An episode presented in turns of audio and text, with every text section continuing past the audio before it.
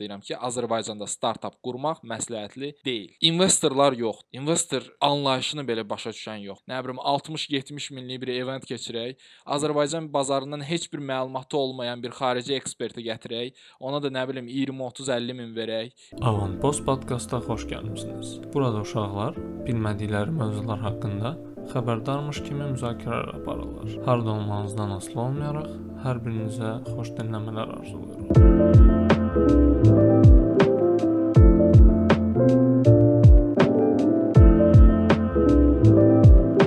Okey, Azad, ə, bizim podkastda necə deyirlər, xoş gəlmisən, xoş gördük səni. Ə, bu gün müzakirəmiz startap, Azərbaycandakı startaplar və ümumiyyətcə Azərbaycandakı startap ekosistem haqqında gedəcək. Söhbətə başlamazdan əvvəl mən ə, bir bir yox, hətta 2 epizoda qayıtmaq istəyirəm. Onlar təxmini 4-5 il əvvəl məncə baş verib. Birincisi biz ə, mən çalışdığım təşkilatda bizdə sayt çökmüşdü və təcili kömək lazım idi. Onda ə, Azada müraciət etmişdik. Qısa zamanda kömək elədi, çox sağ olsun. İkinci epizodda ə, sənin startapın Obike. Onun ə, ilk bilmirəm, amma təqdimatı idi. Ə, mən də oradaydım. Təxmini bir 5 il keçib, səhvimsə 2016-2017 idi. İstəyirəm ki, o 2016 dəqiq ola bilməz. O bike başlamışdı 2017-də. Bizim ilk təqdimatlarımız olub artıq 2018-ci ildən etibarən, yəni prototip 2018-də olub, ondan başlamışıq təqdimatda. mən bir hansını deyirəm, baramada olan səhv etmirəmsə. Ə, baramada olsa da, yəni ümumiyyətlə biz baramaya hardasa Hmm. 2017-nin əvvəllərində qatılmağa başlamışıq. Yəni. 2018-də artıq belə deyək də prototip var idi və prototiplə də artıq başlamışdıq işlərə. Belə. Okey, super. 2018 mən dedim ki 5-6 il keçib. Cəmi heç 3 il keçib, keçməyib. Anyway, ə, o vaxtdan bu yana ə, sənin fikrincə startap ekosistemdə, sənin startapında ümumiyyətcə yəni dəyişikliklər nə olub? Ə, olubmu ümumiyyətcə? Hmm, Ümumiyyətcə mən belə deyim də barama bizə ə, çox şey verdi bu ekosistemi belə deyim tanımaq cəhətdən çox şey verdi. Amma ə, ümumiyyətlə bu ekosistem ə, tam istədiyimiz şeyləri bizə vermədi. Nəinki söz söhbət bizdən gedir, ümumiyyətlə yəni Azərbaycanda startapçılara ə, belə deyək, ə, ekosistem tərəfindən də çox da böyük bir ə, dəstək yoxdur, belə deyək. Amma barama bizə ə, ilk evimiz olub, belə deyək. İlk günlərimiz orada olub. Ə, o vaxt tanımışıq, bilmişik nə necədir. Belə deyək, bir neçə terminlər öyrənmişik, bir neçə insanlarla əlaqələr öyrənmişik. Ə, yəni bu cəhətdən barama bizə, şəxsən mənə və o bike komandasına çox şey verib. O bike startapına çox şey verib. Yəni bunu belə deyə bilərəm. Amma ə, belə ə, tam yüksəltmək də istəməzdim ki, yəni bizi var edən barama oldu. Kimi belə bir şey demək istəmərəm. Amma həqiqətən çox şey verib bizə. Bəli. O danılmaz faktdır. Sən hələ də belə deyim, baramanın daxilində yoxsa Yox, ə, barama ümumiyyətlə belə deyək də, ə, barama daha sonra keçdi dövlətə. Ə, dövlət qurumu var, ə, İnnovasiyalar Agentliyinə. Ə, bu Innoland deyil, yoxsa Baramanın biz yox, Innoland deyil. Innova Innovation A- Agency bu ə, High Tech Park var idi. Ha, okey, okey, okey. High Tech Park. Ə, High Tech Park oldu Innovation Agency. Sonra da ə, Barama keçdi onlara. Daha sonra elə Barama onlara keçməzdən öncə də artıq belə deyək, ə, strukturda ciddi dəyişikliklər baş verməyə başladı. Ə, idarə etmə dəyişdi, startaplar biraz yavaş-yavaş dəyişdi və biz də artıq o dövrdə çıxdıq oradan. Yəni biz hazırda Baramanın daxilində deyilik. Biz tamamilə sərbəstdik, müstəqilik. Mhm. Okey. Ə, Bəs primitiv sual deyərik ki, belə deyim, barama dəstək olur yeni startaplara filan. Bəs onların marağı nədir bunda? Yəni əvvəlcədən. Çünki adətən necə olur? Ə, kimsə əgər investisiya, nə tərsə kömək edirsə, ya müəyyən bir faizi olur o startapda, ya nəsə ə, Baramada necə idi məsələ? İndi bilmirəm necədir. Bax, indi mən ə, o ə, Camal da hazırda rəhbərlikdə, bir də Zaurdur. Şəxsən də tanışlığımız var, münasibətlərimiz də perfektdir. Amma mən hazırda onların e, hansı e, qaydalara əsasən e, dəstək verdiklərinə bir şey deyə bilmərəm. Xəbərim yoxdur, məlumatım yoxdur. O vaxt ki barama e, mənim qatıldığım, mənim belə deyək, e, sevdiyim, rəğbət bəslədiyim barama ə, şərtləri biraz başqa cür idi. Ə, kimin üçünsə yaxşı ola bilər, kimin üçün də pis ola bilər. Orda belə bir məsələ var idi ki, ə, barama startap baramaya qatıldıqda ə, startapdan heç bir equity tələb eləmirdilər. Sadəcə olaraq belə okay, bir equity free. Heç bir equity istənilmirdi. Sadəcə söhbətlər gəzirdi. Gəzirdi deyəndə, yəni birbaşa deyirdilər ki, yəni gələcəkdə belə bir şey ola bilər ki, 10% equity istəyək. Bunlar hamı bunlar hamısı sözdə idi. Yəni heç bir kağızda filan belə bir söhbət olmurdu, amma sözdə belə bir 10% çoxdur. Ə, ola bilər çoxdur. Yəni o o vaxt mən bunu ümumiyyətlə çox az hesab eləyirdim. Yəni o vaxtki biliklər az idi. Amma təbii ki, təqdim olunan ə, vasitələrlə tələb olunan faizi yan-yana qoyanda, yəni çox dəhşət böyük ə, rəqəmlər olur. Bilirsiniz necədir? Mən belə deyim də, ə, çoxsu startapı bir e, öz fəaliyyət hesab eləyir. Yəni sənin boş vaxtın çoxdur, oturasan startap eləyəsən. Wow. Bu düzgün deyil də, bu yanaşma düzgün deyil. Məsələ bundadır ki, e, bu e, ekosistem üzvlərinin, startapçılardan kənar olan ekosistem üzvləri də çox vaxt elə, elə hesab eləyirlər. Ona görə də startapa qarşı yanaşmaları da bu olur. Startap ilk öncə bir biznesdir. Yəni innovativdir, e, dünyayı dəyişə bilən bir potensialı var. Bu layihədən layihəyə dəyişir. Amma bu ilk öncə bir biznesdir və biznes pulsuz olmur. Biznes üçün yatırmaq lazımdır ki, ondan sonra hesablamalar gəlsin, customerlar gəlsin, məhsul satılsın və gəlir əldə edəsən. Ona görə də startaplara dəstək verəndə də ə, bu məsələni kənarda qoymaq olmaz. Ki barama üçün bu məsələ həmişə belə deyək kənarda olurdu. Nəinki barama üçün, ümumiyyətlə digər e, inkubatorları da bu e, sadalamaq olar. Amma baramanın içində idim mən, ona görə onu dəqiq bilirəm ki, yəni e, bu dəqiqə e, o vaxt necə olurdu? Hə, e, startapsansa, qəbul olmusansa, sənə mentorship veririk, e, masa veririk, oturacaq veririk e, ola bilər texniki cihaz verək. Texniki cihazda yəni köhnə notebooklardır. Yəni çox çox da böyük bir gözlənti ilə e, qarşılamaq lazım deyil. Yəni bunlar idi. Niyə ancaq bunları verirdi Barama? Çünki e, Barama Azərselin idi və Barama Azərsel üçün bir KSM layihə idi. E, korporativ sosial məsuliyyət layihəsi idi. Mən bildim ki, hə, Azərselin yəni bir layihəsi. Bəli, bəli, bəli. CRM ə, və Azercell onu bir növ ə, ölkədə ə, sahibkarlığa dəstək kimi formalaşdırmışdı. İnnovativ sahibkarlığa dəstək kimi formalaşdırmışdı. Amma mən onu dəfələrlə özüm də demişdim, Baramanın rəhbərliyinə də demişdim.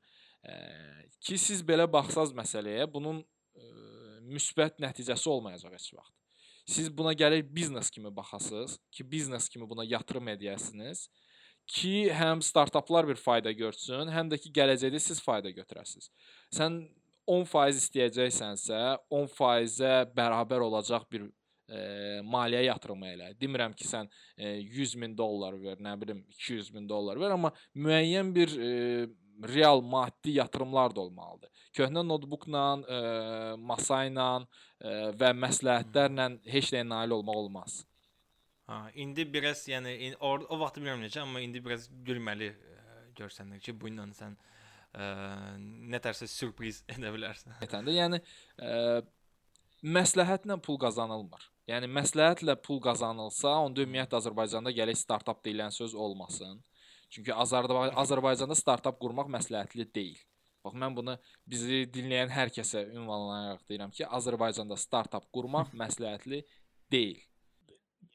Niyə görə? Çünki e, startaplar üçün e, düzgün e, şərait formalaşmayıb burada. E, investorlar yoxdur. Investor anlayışını belə başa düşən yoxdur. Yəni investor borca pul deyil. Investor, nə bilim, mən sənə pul verim, şirkətinin rəhbəri olum deyil. Ümumiyyətlə Azərbaycanda investisiya anlayışı yoxdur, yatırım anlayışı yoxdur. Yəni şirkətlər var ki, çox gözəl dövriyyələri var, çox gözəl gəlirləri var, amma bu şirkət rəhbəri bu şirkətin sabahını düşünmür. Hə bu gün gündə 20 manat qazanırsa super. Bu gün gündə 100 manat qazanırsa super. Düşünmür ki, hə, misal üçün mənim kənarda qalan, e, misal üçün deyim, 20 min pulumu yatırsam və işləri belə-belə böyütsəm, gələcəkdə daha çox qazanaram. Bunu düşünmür. E, risk eləmək istəmir, e, gələcəyi düşünmür. Bu günlə yaşayır, bu günün pulu ilə yaşayır.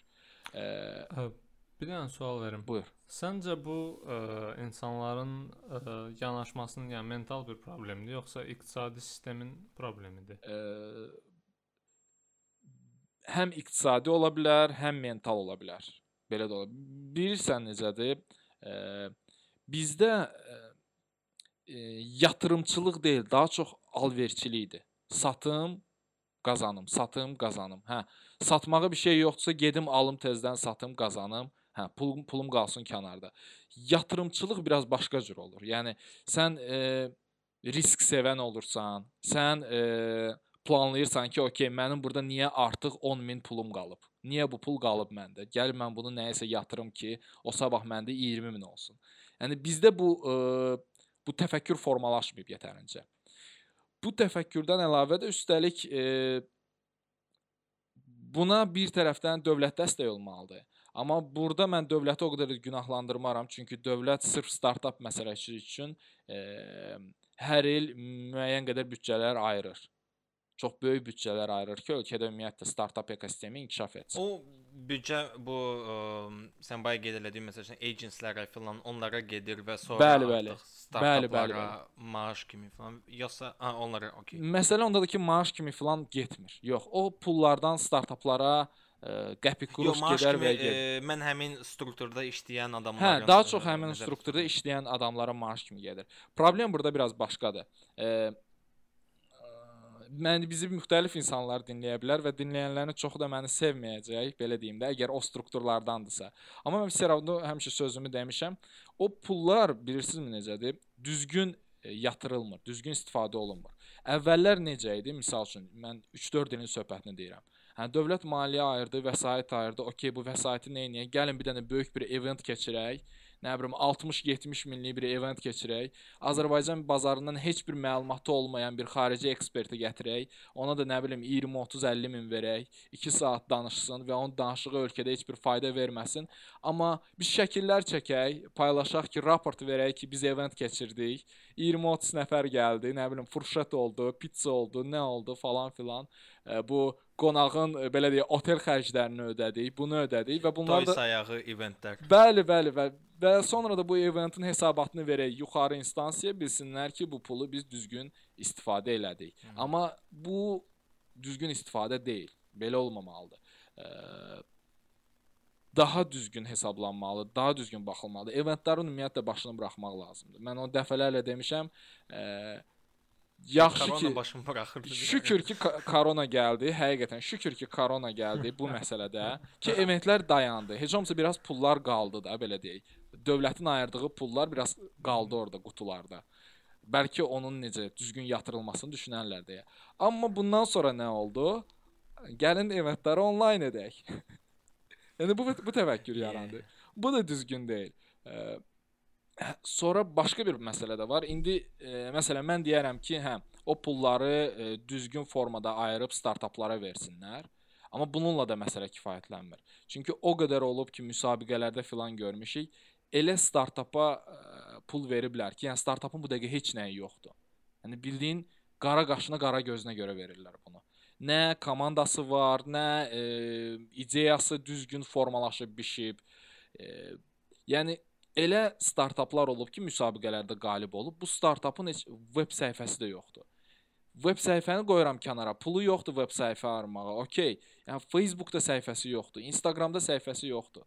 Yəni mən hələ 2-3 ilin söhbətini deyirəm. Müsabiqə oldu. Müsabiqədə məsələn 5 startap qalib gəldi. Hə 5 startapın adı var. Misal üçün nə deyirəm? Məmmədov Məmməd Məmməd startapı. Yazırsan Məmməd startapı yoxdur heç bir informasiya. Google-da heç nə tapılmır. Soruşursan ondan bundan bu nə startapdır, bu kimdir, nə ilə məşğuldur? Heç nə yoxdur ortada.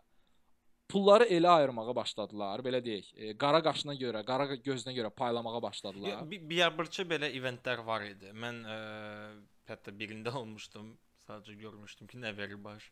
Yəni biraz şey. Bir dənə sual verim. Yəni, Bu proses ümumiyyətlə necə baş verir? Yəni competition olur, ora müxtəlif startaplar ə, qeydiyyatdan keçir və axırda ha kimsə, yəni hansısa agentlik ə, seçib bir startapa ona pul verir. Təqdimat filan edirsən adətən, ə, jüri olur. Yəni jüridə kimlər oturur? Ə, əsasən marketoloqlar. Əsasən marketoloq, marketoloq, PR menecer, hərdən ola bilər kimsə IT backgroundlu kimsə olar.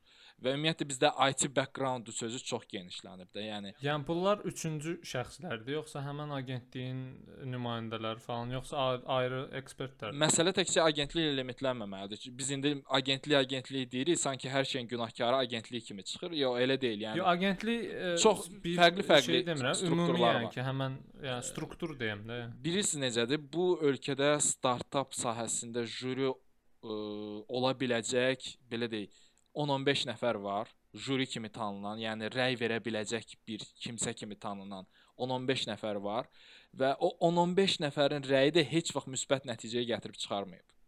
Yəni bu deyir ki, A startapı tutacaq ə, və A startapı tutmur, batır. Amma yenə də s- bir il sonra deyir bu B startapı tutacaq, B startapı tutmur, batır. Əslində qınamaqda biraz çətin olur. Ə, yəni sırf biz məsəl üçün bu startapı dedilər, amma bu startap tutalım tutmadı. İndi bu anlayışla deyə də. Çünki yəni qlobalda da, yəni məsəl üçün ə, Hə, o- Amerikada olur. filan, nə bilim, o qədər yəni startapların 10% bəlkə ilin sonuna qədər Bəli. çatır, çatmır da. Bə- mən- Yəni söhbət odur. Amma ə, sadəcə gözə görünən ə, arada bir yəni necə deyim, ru- ruscada yəni явный səhv var da ki, Hə. yəni bu da yoxdur. Ə, Elə situasiyalarda olur. Mən ə, 2017-ci ildə səhv eləmirəmsə, niyəsə imin o ilə dirəmişəm. Ə, bir dənə startap belə competition-da olmuşdum. Ə, iştirakçı kimi yox, sadəcə belə necə deyim, gəlmişdim baxım. Ə, Seed Stars səhv eləmirəmsə. Və orada ə, bugünkü günə baxsaq, əjdaha startaplar var idi, amma heç biri udmamışdı. Orada ə, Aday adada idi, Boglan- yoxsa harda idi? Adada idi. Adada. Hə, okey, mən bildim hansı e, hansı müsabiqəni deyirsən sən. E, Buketal var idi, Baglans var idi. E, belə belə deyək də, o vaxtki ekosistemin e, sözün yaxşı mənasında ən jurnu startapları həmin o müsabiqədə idi o vaxtı. Şahin olmuşdu qalib. Mənim e, belə deyək də mən e, mənim Şahinlə münasibətim yaxşıdır, belə deyək. Şahin də baramadan çıxıb. E, və e, belə deyək də, ə, mən o startap barədə də məlumatlıyam. Wake Me Up startapı idi. Startapın məğzi nə idi? Deməli, ə, səhv etmirəmsə, ə,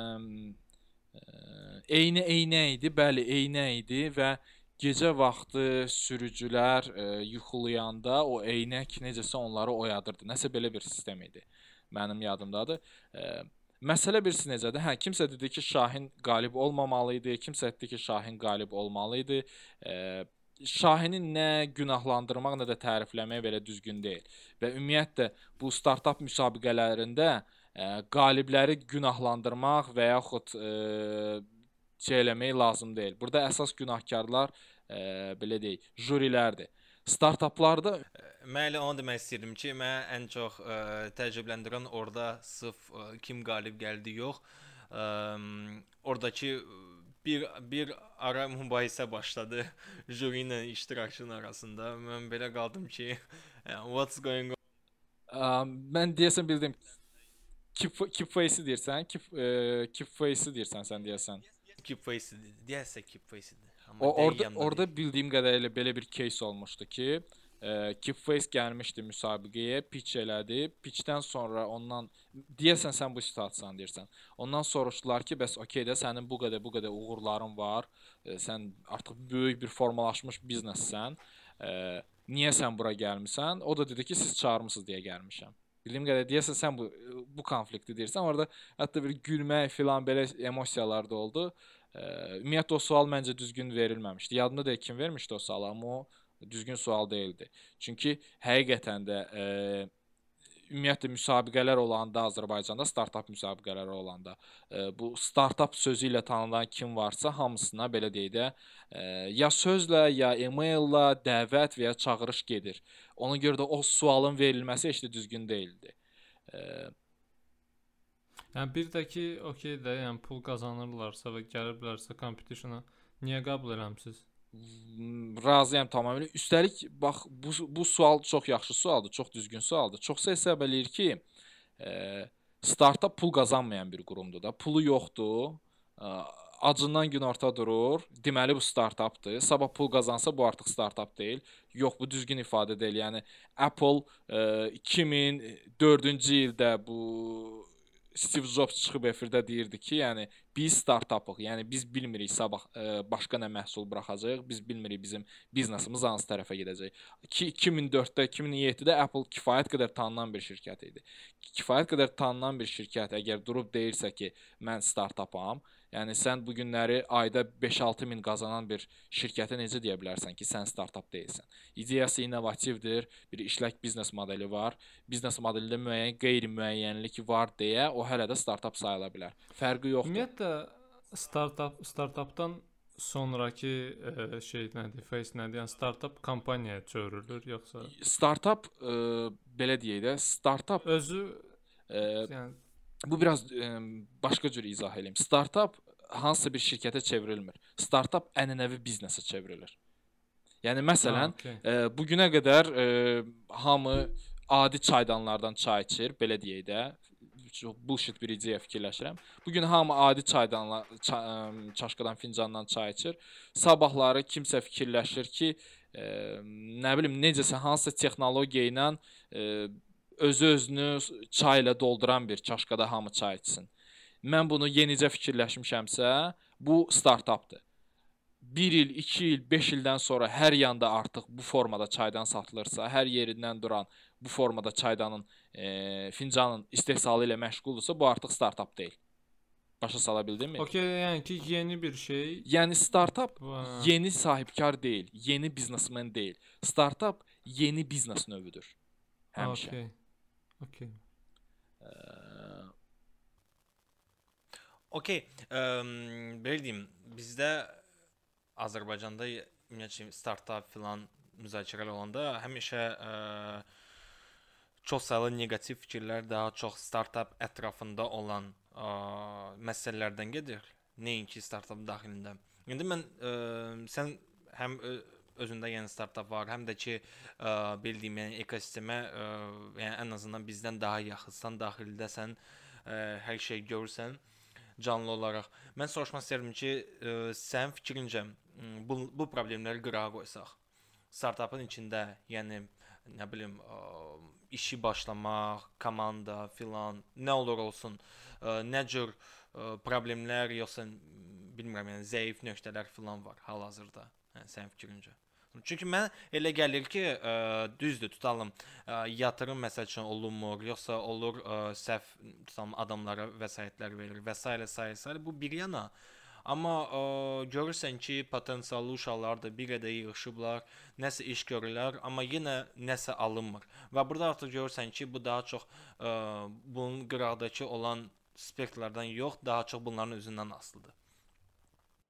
Ə, təbii ki, daxildən də ə, bir çox məsələlər asılıdır, amma bilirsiniz necədir? Ə, Azərbaycanda belə bir ənənə formalaşıb ki, ə, hər şeydə günahkar belə deyək, startap axtarırlar, startapçını axtarırlar.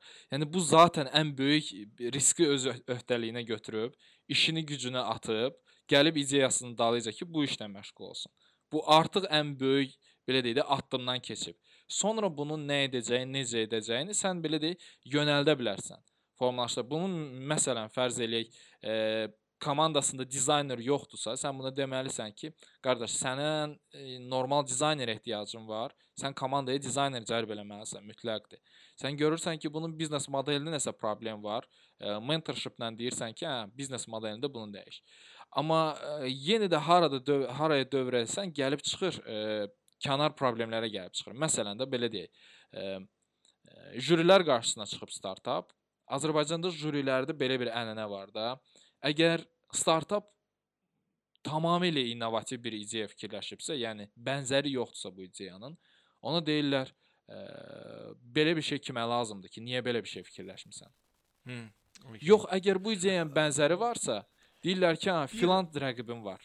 Niyə Bir ara mən baxmışam, amma ə, fraqmentləri görmüşdüm sadəcə Facebookda paylaşırdılar. Səhv eləmirəmsə ə, televiziyada belə bir veriliş var idi. Ora kimsə çıxırdı ideya. Nəsə absurd şeylər baş verirdi. Amma yenə də kimsə öz startap ideyasıyla çıxırdı. Və yəni bu kəlmə həmişə orada istifadə olunur ki, ə, bu İdeya qazandı, eləyəcək?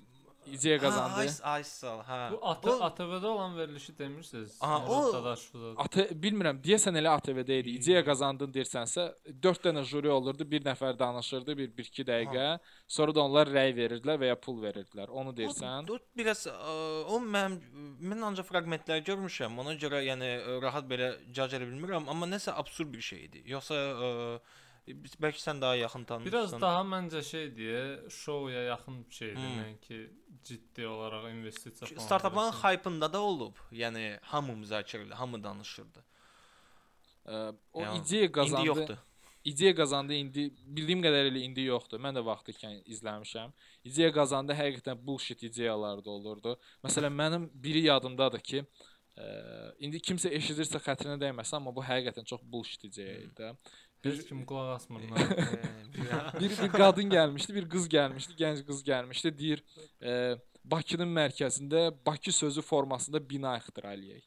Bina, yəni bu bu, bu kimə lazımdır? Bu nəyə lazımdır? Bu nəyə xeyir verəcək? Nə bilim A hərfinin rahat içində. deyə bilərsən. Bu yəni həddimə dəyməməli adam. Yox, həqiqətən be belə mm, faydasız, mənasız ideyalar çox olurdu o müsabiqədə. E, məsələ ondadır ki, Zata Laporon fonda şəkil çəkdirmək olar. Aha. Elə qız da onu deyirdi. Turistlər gələcək Bakı sözünün, Bakı formasında binanın qarşısında şəkil çəkdirəcək. Qız elə deyirdi. Deyirdi ki, self hətta yadımda da onun mm, pitchində belə bir söz var idi ki, e, selfie bizim günümüzün, nə bilim, xəstəliyidir, nədir? Nəsə belə bir söz demişdi, yadımdadır. Hə, turistlər gəlib selfie çəkəcək filan, nəsə belə bir sözlər demişdi. Ə, mahiyyəti onda deyil, mahiyyəti ondadır ki, e, Laporon normal layihələr də çıxdıqda ə, ideya qazandı müsabiqəsi belə bir belə dem elan eləyirdi də özünü ki, nə qədər pul istəsəz veririk və heç nə qarşılığında tələb etmirik. Yəni e, Vermişdilər. özünü belə təqdim eləyirdi veriliş. Amma mən orada maksimum 5000 rəqəmini gördüm deyəsən. Maksimum 5000 və üstəlik o 5000 də çox mənasız bir şeylərə getmişdi mənim yadımdadır. Mənasız layihələrə vermişdilər. Amma normal layihələr var idi ki, gəlir deyir ki, "Okay, mənim biznesim budur, işim budur. Mən buna görə məsələn 30 min pul istəyirəm. Hə, okay, Hmm. çıxarın, verin." Hə, elə mənasız ə, arqumentlər qoyurdular ki, hərdən heç arqument də qoya bilmirdilər. Hə, okay, falan filan. Sonra nəsə ortaya heç nə çıxmırdı. Məsələn, Murad ə, Həsənzadədir də, deyəsən tanıyırsanmı onu? Murad Həsənzadə var idi. Yox. Bir nəfər Yox. çox ə, belə deyək aktiv gəncdir bu startaplar filan mövzusunda.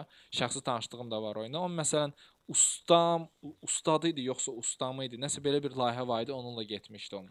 Aa, Həmin mən o layihə, o layihə sonra oldu da yox. Mən eşitmişəm nəsə ə, girirsən istənilən ustanı tapa bilərsən, nə tutalım. Aha, belə bir şeydə mən bildiyim qədərilə başladı, sonra fail elədi. Mən mən belə Ha, bilirəm. okey. Bəlkə də fail eləmədi, satdı. Hə, maraqlı məsələ idi. İndi elə Yandex o məsələnin üstünə düşdü özü üçün. Yandexin belə bir e, startapı var. Elədi. Çox maraqlı şeydir. E, Bilmirəm aqibəti necə oldu. Fail oldumu, satdımı filan bu barədə məlumatım yoxdur, amma bilirəm ki, nəsə başlamışdı. E, onun təqdimatına mən baxmışdım. E, şeydə o ideya qazandı da. Çox gözəl təqdimat eləmişdi. E, Bütün xırdalıqlara cavab vermişdi. Özü də Murad o vaxtı belə deyildi, o ekosistem məsələsinin içində uje qaynamış bir insan idi. Bilirdi hansı suallara necə cavab vermək lazımdır. Amma oradan bir maliyyə götürmədi. Əslində gözəl ideyadır. Azərbaycanda məncə eləmək olar. Əsasən şey usta bir yana maşınlar falan. Çünki bizdə ikinci ə, əl belə deyək zapçastlar falan satılır. Axı hər ustanın öz nəyisə olur. O nətərsə belə databaza yığıb hardasa kimsə girib rahat tapmağa Aha, bir də ki, evdə nəsə məsəl üçün sınanda, tutalım paltar yuyan filan, ilk ə, ağlıma gələn, yəni təsəvvür ki, həmişə Google eləyən adam mən götürüb tanışda yazıram ki, səndə filan nə bilim tanış usta yoxdur. Bu Ha. yəni ə, dildə hələ ki şeydə mouse marketing zət. Hə, o Onda məsələ də var. şeydir. O o məsələ də var ki, həqiqətən bizdə e, dillə bu mouse marketinq həddindən artıq çox güclüdür. Digər marketinqlərdə daha güclüdür. Bu əslində minusa işləyir. Bu həqiqətən minusa işləyir. Çünki e, normal mühitdə normal startaplar e, biznes hesablaması eləyəndə belə deyim, marketinq hesablaması eləyəndə baxırlar, yəni Facebookda bu qədər gedəcək reklam, Instagramda bu qədər gedəcək, filan yerdə bu qədər gedəcək. Amma Azərbaycanda bu biraz mənasını itirmiş kimi olur. Yəni sənə müştərini müştəri qazandıracaq. E, Facebook, Google o qədər də qazandırmayacaq. Belə bir e, mənfi reallıq var Azərbaycanda ki, bu da təsir eləyir bir çox məqamlara.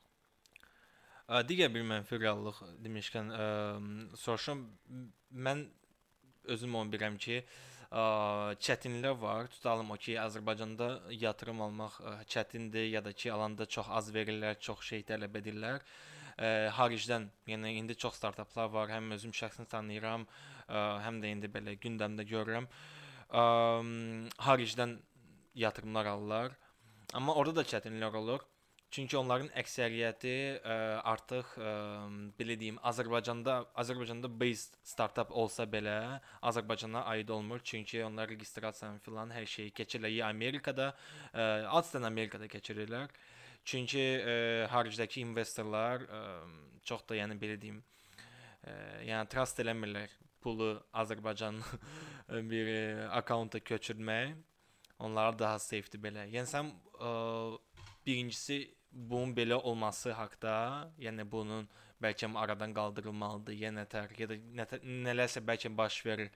Və ümumiyyətcə bu tendensiya ki, şirkət artıq ə, fizikal olmasa, amma registrasiya filan fərqli yerdə eləyir. Nə fikirləşirsən?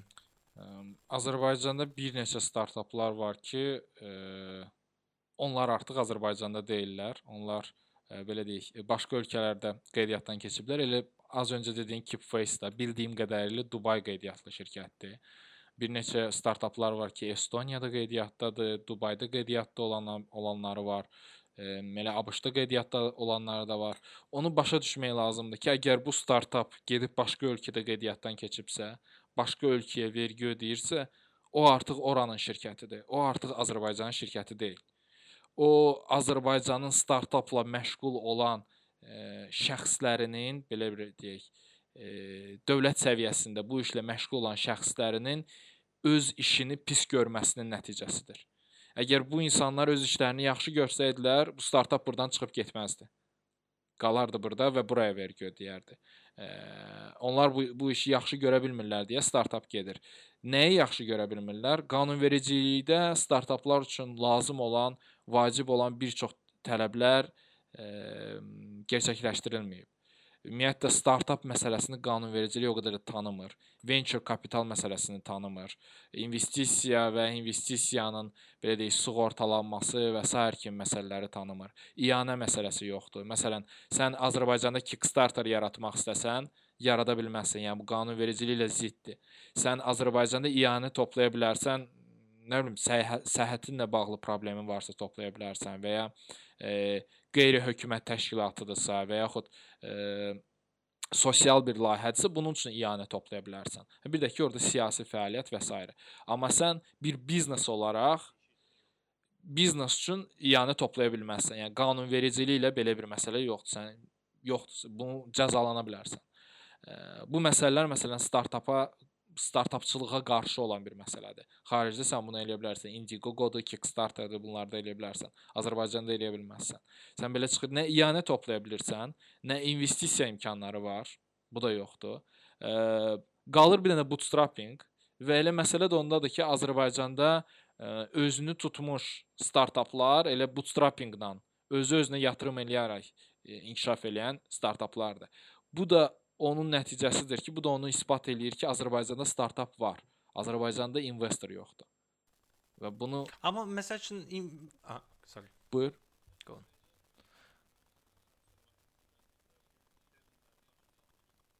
Ə, Hmm. bəli, bəli. Çox məşhur platformadır. Sırf belə deyək, startaplar üçün məşhurlaşmış bir platformadır. Şey, bootstrapping şeydir də, yəni sən ə, pulun filan olmamış başlayırsan, müştəriləri qazanırsan, səhv etmirəmsə. Aha. Müştərdən pul ala-ala öz nə bilim indi texniki filan nə lazımsa onu işçiləri yığırsan, ətrafı mən bildiyim qədər. Yəni özün özünə yatırırsan. Öz gəlirini təkrarən biznesə yatırırsan. Təkrarən biznesə yatırırsan. Bu bootstrappingdir. Ə, bir var FFF, ə, o dostlara deyilir. Dostlardan filan pul toplayırsan. Friends, Foolish, bir də ki üçüncü nəsə? Hə, Friends, family. Foolish and Family, hə. Aha. Ə, onlardan pul toplayırsan. Belə bir in- investisiya yönü var. Bootstrapping var, özün özünə yatırırsan. E, venture fond var, hansında ki 4-5 investor birləşirlər, bir e, yerə belə deyək pul qoyurlar və o toplam pul sənin biznesinə yatırır. Bu venture-dır. Bir də var angel investment. E, bir nəfər şəxs gəlir deyir ki, "Okay, mən sənə e, 20 min yatırıram, sənin biznesin böyüsün, sonra mən o yatırımımı məsələn 40 minə satacağam." Yəni bu isə angel investmentdir. Bunların heç biri demək olar Azərbaycanda yoxdur. Bir dənə var ancaq bootstrapping və ancaq elə bootstrapping yaxşı gedir. Amma ə, səhv etmirəmsə Inolentdə deyəsə ə, müəyyən yaş investmentlər olur yox, yoxsa çünki mən ə, həmişədən baxıram, nəsə bütün sözləri yaddan çıxırım. Crunchbase deyəsə orada həmişə adətən göstərilir hansı startap nə qədər alıb.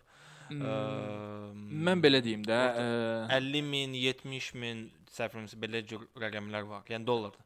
Ə, mən belə deyim də, ə, Inoland belə deyək köhnə subdur. Əvvəl sub var idi, sonra gəldi oldu, formalaşdı, belə deyək rebranding oldu, biraz struktur dəyişdi, oldu Inoland.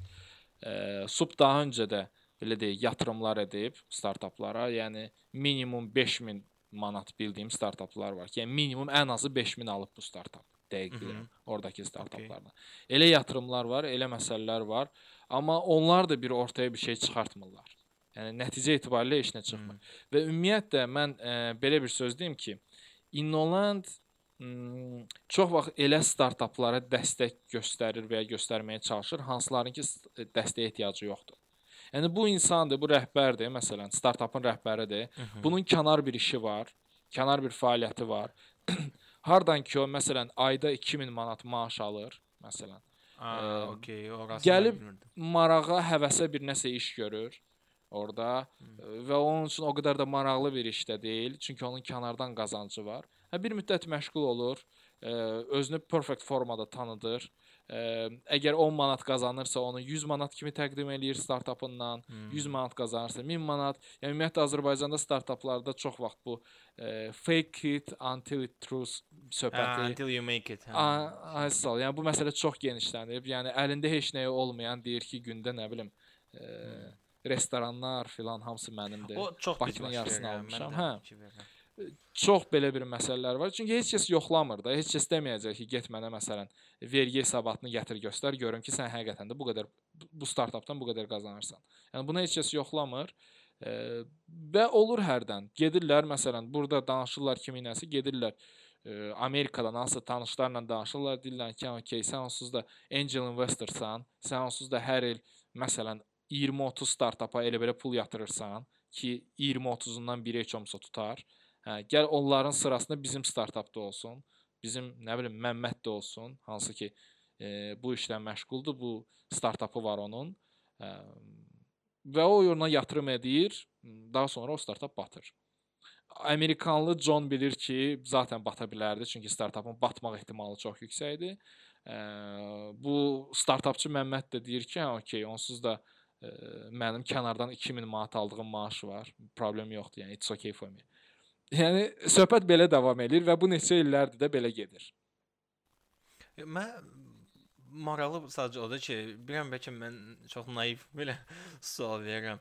Sadəcə ə, yəni bilə-bilə ki, bu yəqin ki, getməyəcək, işləməyəcək. Ə, yəni mən sənə pul niyə verim də, yəni. O ki də mən inanmıram ki, səndə alınacaq. Mən sənə 50 min, nə bilim 20 min, indi bilmirəm də nə qədər verirlər. Yox, o o bilə-bilə demir ki, hə, bilə-bilə ki, hə bu batacaq. Yox, Ha, elə okey, case olmur. E, sən belə deyən, sən startap kimi təqdim eləyirsən özünü, o Johna belə deyək. Hmm. E, sən orada müəyyən şeyləri abartırsan, müəyyən şeyləri qabartırsan, e, biraz belə deyək, e, tərif təriflərini də əlavə edirsən üstünə ki, hə, misal üçün filan kəs məni tərifləyib, hesab eləyib. Belə deyib bəzəyirsən, məsələni bəzəyirsən, təqdim eləyirsən. O da deyir ki, okey də onun üçün onsuz da 5-10 min elə belə söhbətdir. Yəni onu risk kimi atır ortaya. Hə bir damcı nəsə onun diqqətini cəlb elədinsə, amma deyir ki, okey, yəni risk eləməyə dəyər. 5-10 min nədir ki mənim üçün? Gəl mən onu verim sənə. Okey, görüm nə olacaq səndən. Ə, üstəlik orada belə bir məsələ də var ki, startaplarda çox vaxt layihəyə yox, startapçıya yatırım eləyirlər. Yəni fərdin özünə, şəxsin özünə. Şəxs onu cəlb elədisə, deyir, "Okey, mən sənə bu pulu verirəm, görüm nə edəcəksən." Ə, Və çox vaxt elə olur ki, yəni bizdən ora gedib oradan yatırım eləyən startap heç nə eləmir nəticədə və qalır Bir belə. dənə belə sual verim. Amerika zət dediniz, ə, maraqlı oldu. Bir dənə rus jurnalist var, Duçyan ki tanışsınız, Am- Murad Perfect. böyük fanatıdır, hə. Ə, onun bir verilişi var idi Silicon Valley-də. Gəlib ruslar, ruslar yox, postsovet ölkələrindən olan insanları çəkirdi. Bunların da çoxusu haçansı startapla başlamış, indi də Google-da falan işləyən uşaqlar idi. Bu verilişdən sonra Pavel Durov öz Telegram kanalında bir yazı yazmışdı və tənqid eləmirdi, etiraz eləyirdi onun dediklərinə, inkar eləyirdi ki, bu dəqiqə startap üçün ən ideal yer Silicon Valley deyil, başqa yerlər var. Telegram deyəsən şey Sinqapurda qeydiyyatdan keçib yoxsa hardasa? Yo, um, Dubayda deyəsən. Düz- dəqiq mən də bilmirəm. Yəni bu bu bunun haqqında nə fikir bildirə bilərsən? Səncə bu dəqiqə ə, misal üçün Avropada mən bilirəm ki, Estoniya babat belə startaplar üçün hubdur deyəsən. Hı. Eee Ducun həmin o buraxılışda mən tam baxmamışam, bir hissəsinə baxmışam. Bu daha uyğun vaxtı. gö- Duca ümumiyyətlə mən bütün verilişlərinə baxıram, bütün intervyularına, amma ona nədənsə qoydum kənara ki, biraz sonra baxaram. Eee haqlı ola bilər. Ümumiyyətlə indi Estoniya çox cəlbedicidir bir çox startaplar üçün. Çünki eee Estoniyada şirkət açmaq çox asandır. Yəni onlayn. Elə burada Azərbaycanda oturaraq sən Estoniya onlayn vətəndaşlığı ala bilərsən. Özü də çox baha da deyil, 50-60 dollardır. Və üstəlik sən orada şirkətini də qeydiyyatdan keçirə bilərsən. Onlayn, yəni bankını orada qeydiyyatdan keçirirsən, hesablarını oradan eləyirsən və sənin şirkətin olur Eston şirkəti. Yəni 1-2 saat ərzində sən bunları tərtib eləyə bilərsən. Bu cəhətdən Estoniya hazırda belə deyək, cəlbedici e, ölkə hesab olunur e, startaplar üçün. Silikon Ə, Valley orada- sadəcə belə formalaşıb ki, bir e, mərkəz kimi formalaşıb belə deyək. Hmm. Durov şey qeyd edirdi ki, ə, yəni ə, Silikon yəni razılaşmışdı ki, okey, qəşəng kinodur, dud çəkib filan ora-bura, amma deyir ki, Silicon Valley artıq ə, startap mərkəz kimi və s. daha çox keçmişi ilə ə, cəlb edir. Ə, nəinki gələcəyi ilə, çünki ə, unicornların filan sayına baxsaq, tutalım Çin artıq keçib Amerikanı Ə, düzdür indi ə, millətin sayına görə filan bunu mübahisə etmək olar, amma hər nədən və ə, oradakı olan Amerikada regulationlar, nə bilim, data ilə bağlı, bu ilə işləməlisən, data mütləq açarlan bilməlisən və s. və s. o qədər ə, gülərüz deyil. Ə, necə ki tutalım, nə bilim, 20 il əvvəl. Bir də ki, bu startapların vergi məsələsi mənə maraqlıdır. Mən bilirəm ki, Bosniyada falan deyəsən təzə açılan startaplar ya da xaricdən gələn Bosniyada startap açanlardan vergi almırlar hansısa limitə qədər. Bu Azərbaycanda da belədir, yoxsa açdın, işin getdisə həmin gün vergi başlamalısan ödəməyə. Ə, Bu barədə bir neçə söz deyə bilərəm. Dö dönəri satan kimi. Ə, Bu dəqiqə bir ə, bu barədə bir neçə söz deyə bilərəm. Birincisi, mən ə, ümumiyyətlə bu startap məsələsi ilə, Azərbaycanda startap məsələləri ilə belə deyək, ə, maraqlananda, tanış olanda Hightech Park var idi və Hightech Park ə, Pirallahıda bir şəhərcik qurulmalı idi və Hightech Parkın bütün rezidentlərinə 7 il ərzində vergidən azadlıq ə, vəd olunurdu, vəd olunurdu. Daha sonra biz amma Yaxşı addımdır əslində. Yox. vəd olaraq yaxşı səslənir. Davam eləyim. Ə, deməli biz Obike olaraq ə, ha, bu Hightech Parka yox, biz Baramanı seçdik. Halbuki bizi ikisi də qəbul eləmişdi, amma biz Baramanı seçdik, Barama ilə getdik. Daha sonra bu baramanı dövlət aldıqdan sonra və belə deyək, eyni insanların əlinin altına keçəndən sonra barama ə, bizə yenə demişdilər ki, hə bəs ə, bu Innovation Agency, bu High Tech Park 7 ildə 7 illik azadlıq, vergidən azadlıq təmin eləyir startaplara. Ə, biz bir neçə startapla, barama startapları ilə ə, getdik, danışdıq orada onların işçiləri ilə. Ə, yüksək belə deyək, vəzifəsi olan işçisi ilə iş, işçi ilə danışdıq, hansı ki, bu məsələlərə baxır. Və soruşduq ki, bəs biz istəyərdik vergidən azad olma məsələsini biz özümüz üçün eləyək. Biz startapıq, biz sizin rezidentinizik. E, bunu necə eləyə bilərik? Bizə dedilər ki, e, o təklif e, software startaplar üçün yox, yalnız hardware startaplar üçündür. Yəni proqram təminatı, application filan tipli startaplar üçün yox, cihazlar üçündür. Yəni qurğular üçündür. Yəni çox mənasız bir cümlə idi bu. Çox ə, mən başa düşmədim bu cümlə ümumiyyətlə. O, o həqiqətən o cümlə var. Bəli, bəli, həqiqətən o, o qanun bizə heç kəs qanunu kağızı göstərmədi. Mən indi yalan deyə bilmərəm ki, kimsə bizə açıb kağız Aha. göstərdi. No, Biz- yəni belə dedilər. Biz oturduq, danışdıq, dedik budur, budur, budur. Bizə dedilər ki, bəs e, həmin o yəni. 7 illik e, vergidən azad olma məsələsi yalnız hardware startaplara aiddir. Bizə bu cümlədir. O toy sayağı startap eventlər ə, daha məntiqli görsənir nəinki bu cümlə. Yəni çünki Həqiqətən. Mən indi adını çəkmək istəmirəm, kim dedi o bizə o sözü, amma həqiqətən indi də e, orada belə deyək, yüksək vəzifədə çalışır. E, və mənim bu sözümü bir neçə digər startapçılar da təsdiqləyə bilərlər, çünki mən onu tək getməmişdim bu söz bu sözü deyəndə. Və həqiqətən də bizə belə söz dedilər. Amma 7 il vergidən azadlıq kiməsə verilib Azərbaycanda. Mm, Mən bildiyim qədərilə sonra bir neçə startapa verdilər, amma mən onları startap adlandırmıram, çünki onları heç kəs tanımır. Yəni nə işlə məşğuldurlar ki onlar? Bi bilmirəm. Yəni sadəcə şəkil göstərirlər, e, filan kəs o filan kəs əlində kartla durub. Hə, nə bilim, nəsə bu e, 7 il azad oldum. Heç kəs tanımır bu kimdir, nə ilə məşğuldur. E, yəni belə deyək də, fiktivni sk- startaplar, belə deyək. Fake startaplar. Fake Okey. startaplara deyəsən verildi. E, bilmirəm, bəlkə də kimsə tanıyır o məxfi startapları, bəlkə də onlar nə bilim çox qeyri-adi, çox məxfi işlər görürlər, amma ə, mən tanımıram, mən bilmirəm, bir çox tanışlarımdır, bir çox startap. yəqin ki, yəqin ki, elə ola bilər. Ki Azərbaycanda ümumiyyətlə bu dəqiqə belə yüksəlişdə olan startaplar hansıdır və nə işlə məşğuldurlar? Top 3. Ə, mən heç birinin adını çəkmək istəmərəm çünki ə, çü- çünki mən istəmərəm ə, bilirsiniz necə deyim? Ə, Azərbaycanda ümumiyyətlə startap ekosistemində startapçılar hamısı ə, çoxsu bir-biri ilə belə deyək də bir toqquşma məsələsindədir. Mən ə, heç birini deyə bilmərəm. Sadəcə belə belə formalaşıb. Özü də bu e, müvəqqəti olur. Bir görürsən startapçılar qırışır bir-biri ilə Facebookda 2 gündən sonra ə, canım, dostum, əzizim. Yəni mən bu absurd məsələləri də başa düşmürəm. Məncə bu sadəcə hype tutmaq və hype əsasında ə, belə deyək, bir növ PR tutmaq, sonra da o PR-la qazanılmış izləyiciləri potensial müştərilərə çevirmək ə, siyasətidir, belə deyərdim. Mən şəxsən ə, tanıdığım startapçılardan biri, startaplardan biri Texnot. Mən Texnotu deyə bilərəm ki, hazırda çox düzgün, çox yaxşı iş görür həqiqətən də. Yəni və o da bootstrappinglə e, inkişaf edən iş Fərid e, səhvimsə də. Bəli, bəli, Fərid. Bərdaşınız. Onu şəxsən də tanıyıram. Əlaqələrimiz də möhtəşəmdir.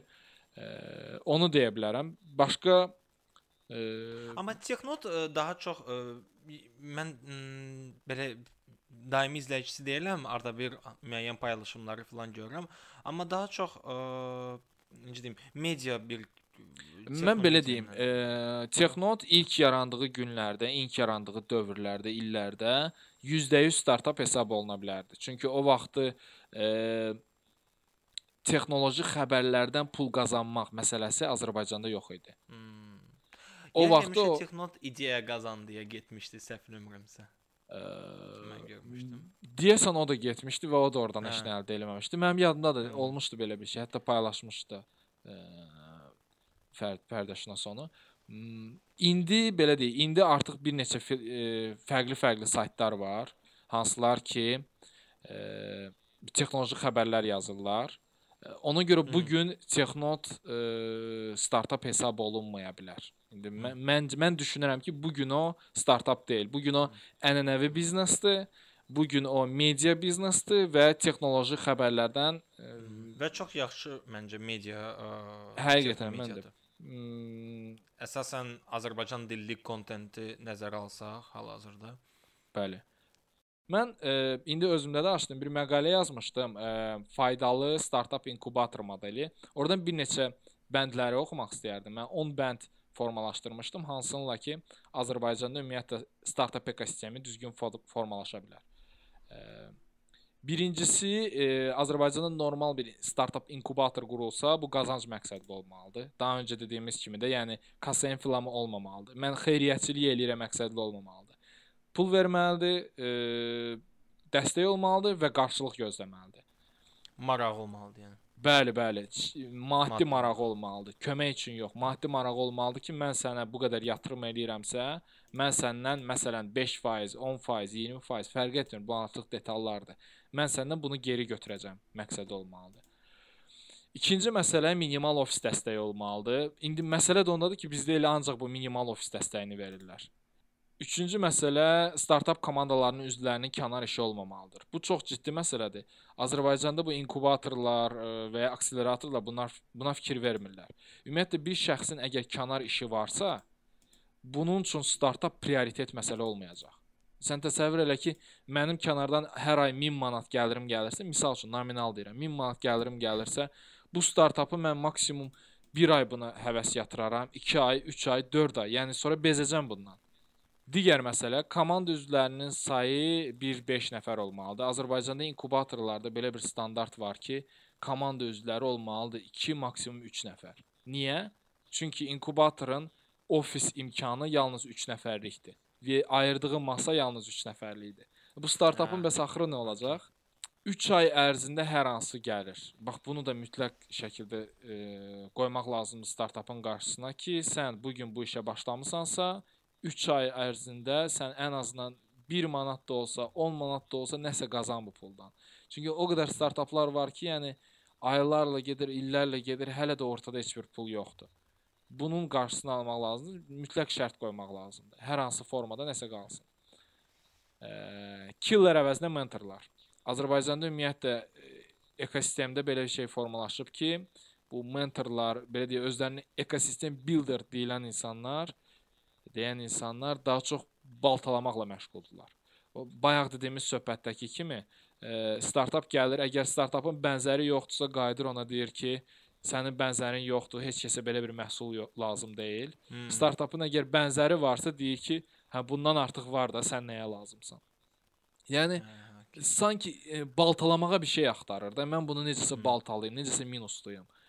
Ki Azərbaycanda belə olmaq lazım deyil. Minuslamaq yox, əksinə plusları tapmaq lazımdır bunu irəliyə aparmaq üçün. E, çox qısa-qısa deyirəm ki, çox vaxtımız getməsin. E, ideyalı saf entuziastlar gəlməlidir. Azərbaycanda startap ekosisteminin ən böyük minuslarından biri odur ki, bura e, marketoloqlar gəlir, PR menecerlər gəlir rəhbər olaraq. E, ki onlar çox vaxt e, necə deyim, startap üçün yetərincə uyğun insanlar deyil. Startap entuziazmdır. Yəni sən bütün vaxtı və gecəvi gündüzü ayırmalısan buna. E, marketoloq, PR menecer tipli insanlar isə onlar yəni o qədər də çox vaxt ayırmayacaq buna. Yəni maksimum 1 ay, 2 ay, 3 ay sonra bunu dəyişəcək və yaxud exit eləyəcək, gedəcək. Bunun üçün e, vacib olan ə, tez zamanda pul qazanmaqdır və çox vaxtı da bu tez zamanda pul qazanmaq məsələsinə görə startapın ideyası da batır, ə, bir növ ötürülməsi də batır və heç nə tutarlı olmur. İzah eləyə bildimmi məsələni? Yəni burada sırf entuziastlar lazımdır. Bu insan bilməlidir ki, mən bunu yaratmaq istəyirəm. Mən bunu e, təkmilləşdirmək istəyirəm. Mən bu problemi aradan qaldırmaq istəyirəm. Amma çox vaxt elə olur ki, okey, mən belə bir nümunə deyim. E, baramaya gələn şəxslərə belə deyək, e, e, hərdən olurdu mən arxadan izləyirdim. Belə deyək, qəbul olanda, yeni qəbul proseduru olanda mən olurdu hərdən arxada jürinin arxasında oturub izləyirdim, görüm mən bu nə startapdır, gəlib nə danışacaq. E, startaplardan biri bir dəfə düz onu qəbul eləmədilər. Belə bir ifadə işlətdi. E, nəsə bir biznes ideyası idi onun. Bu e, marketinqlə bağlı bir ideya idi.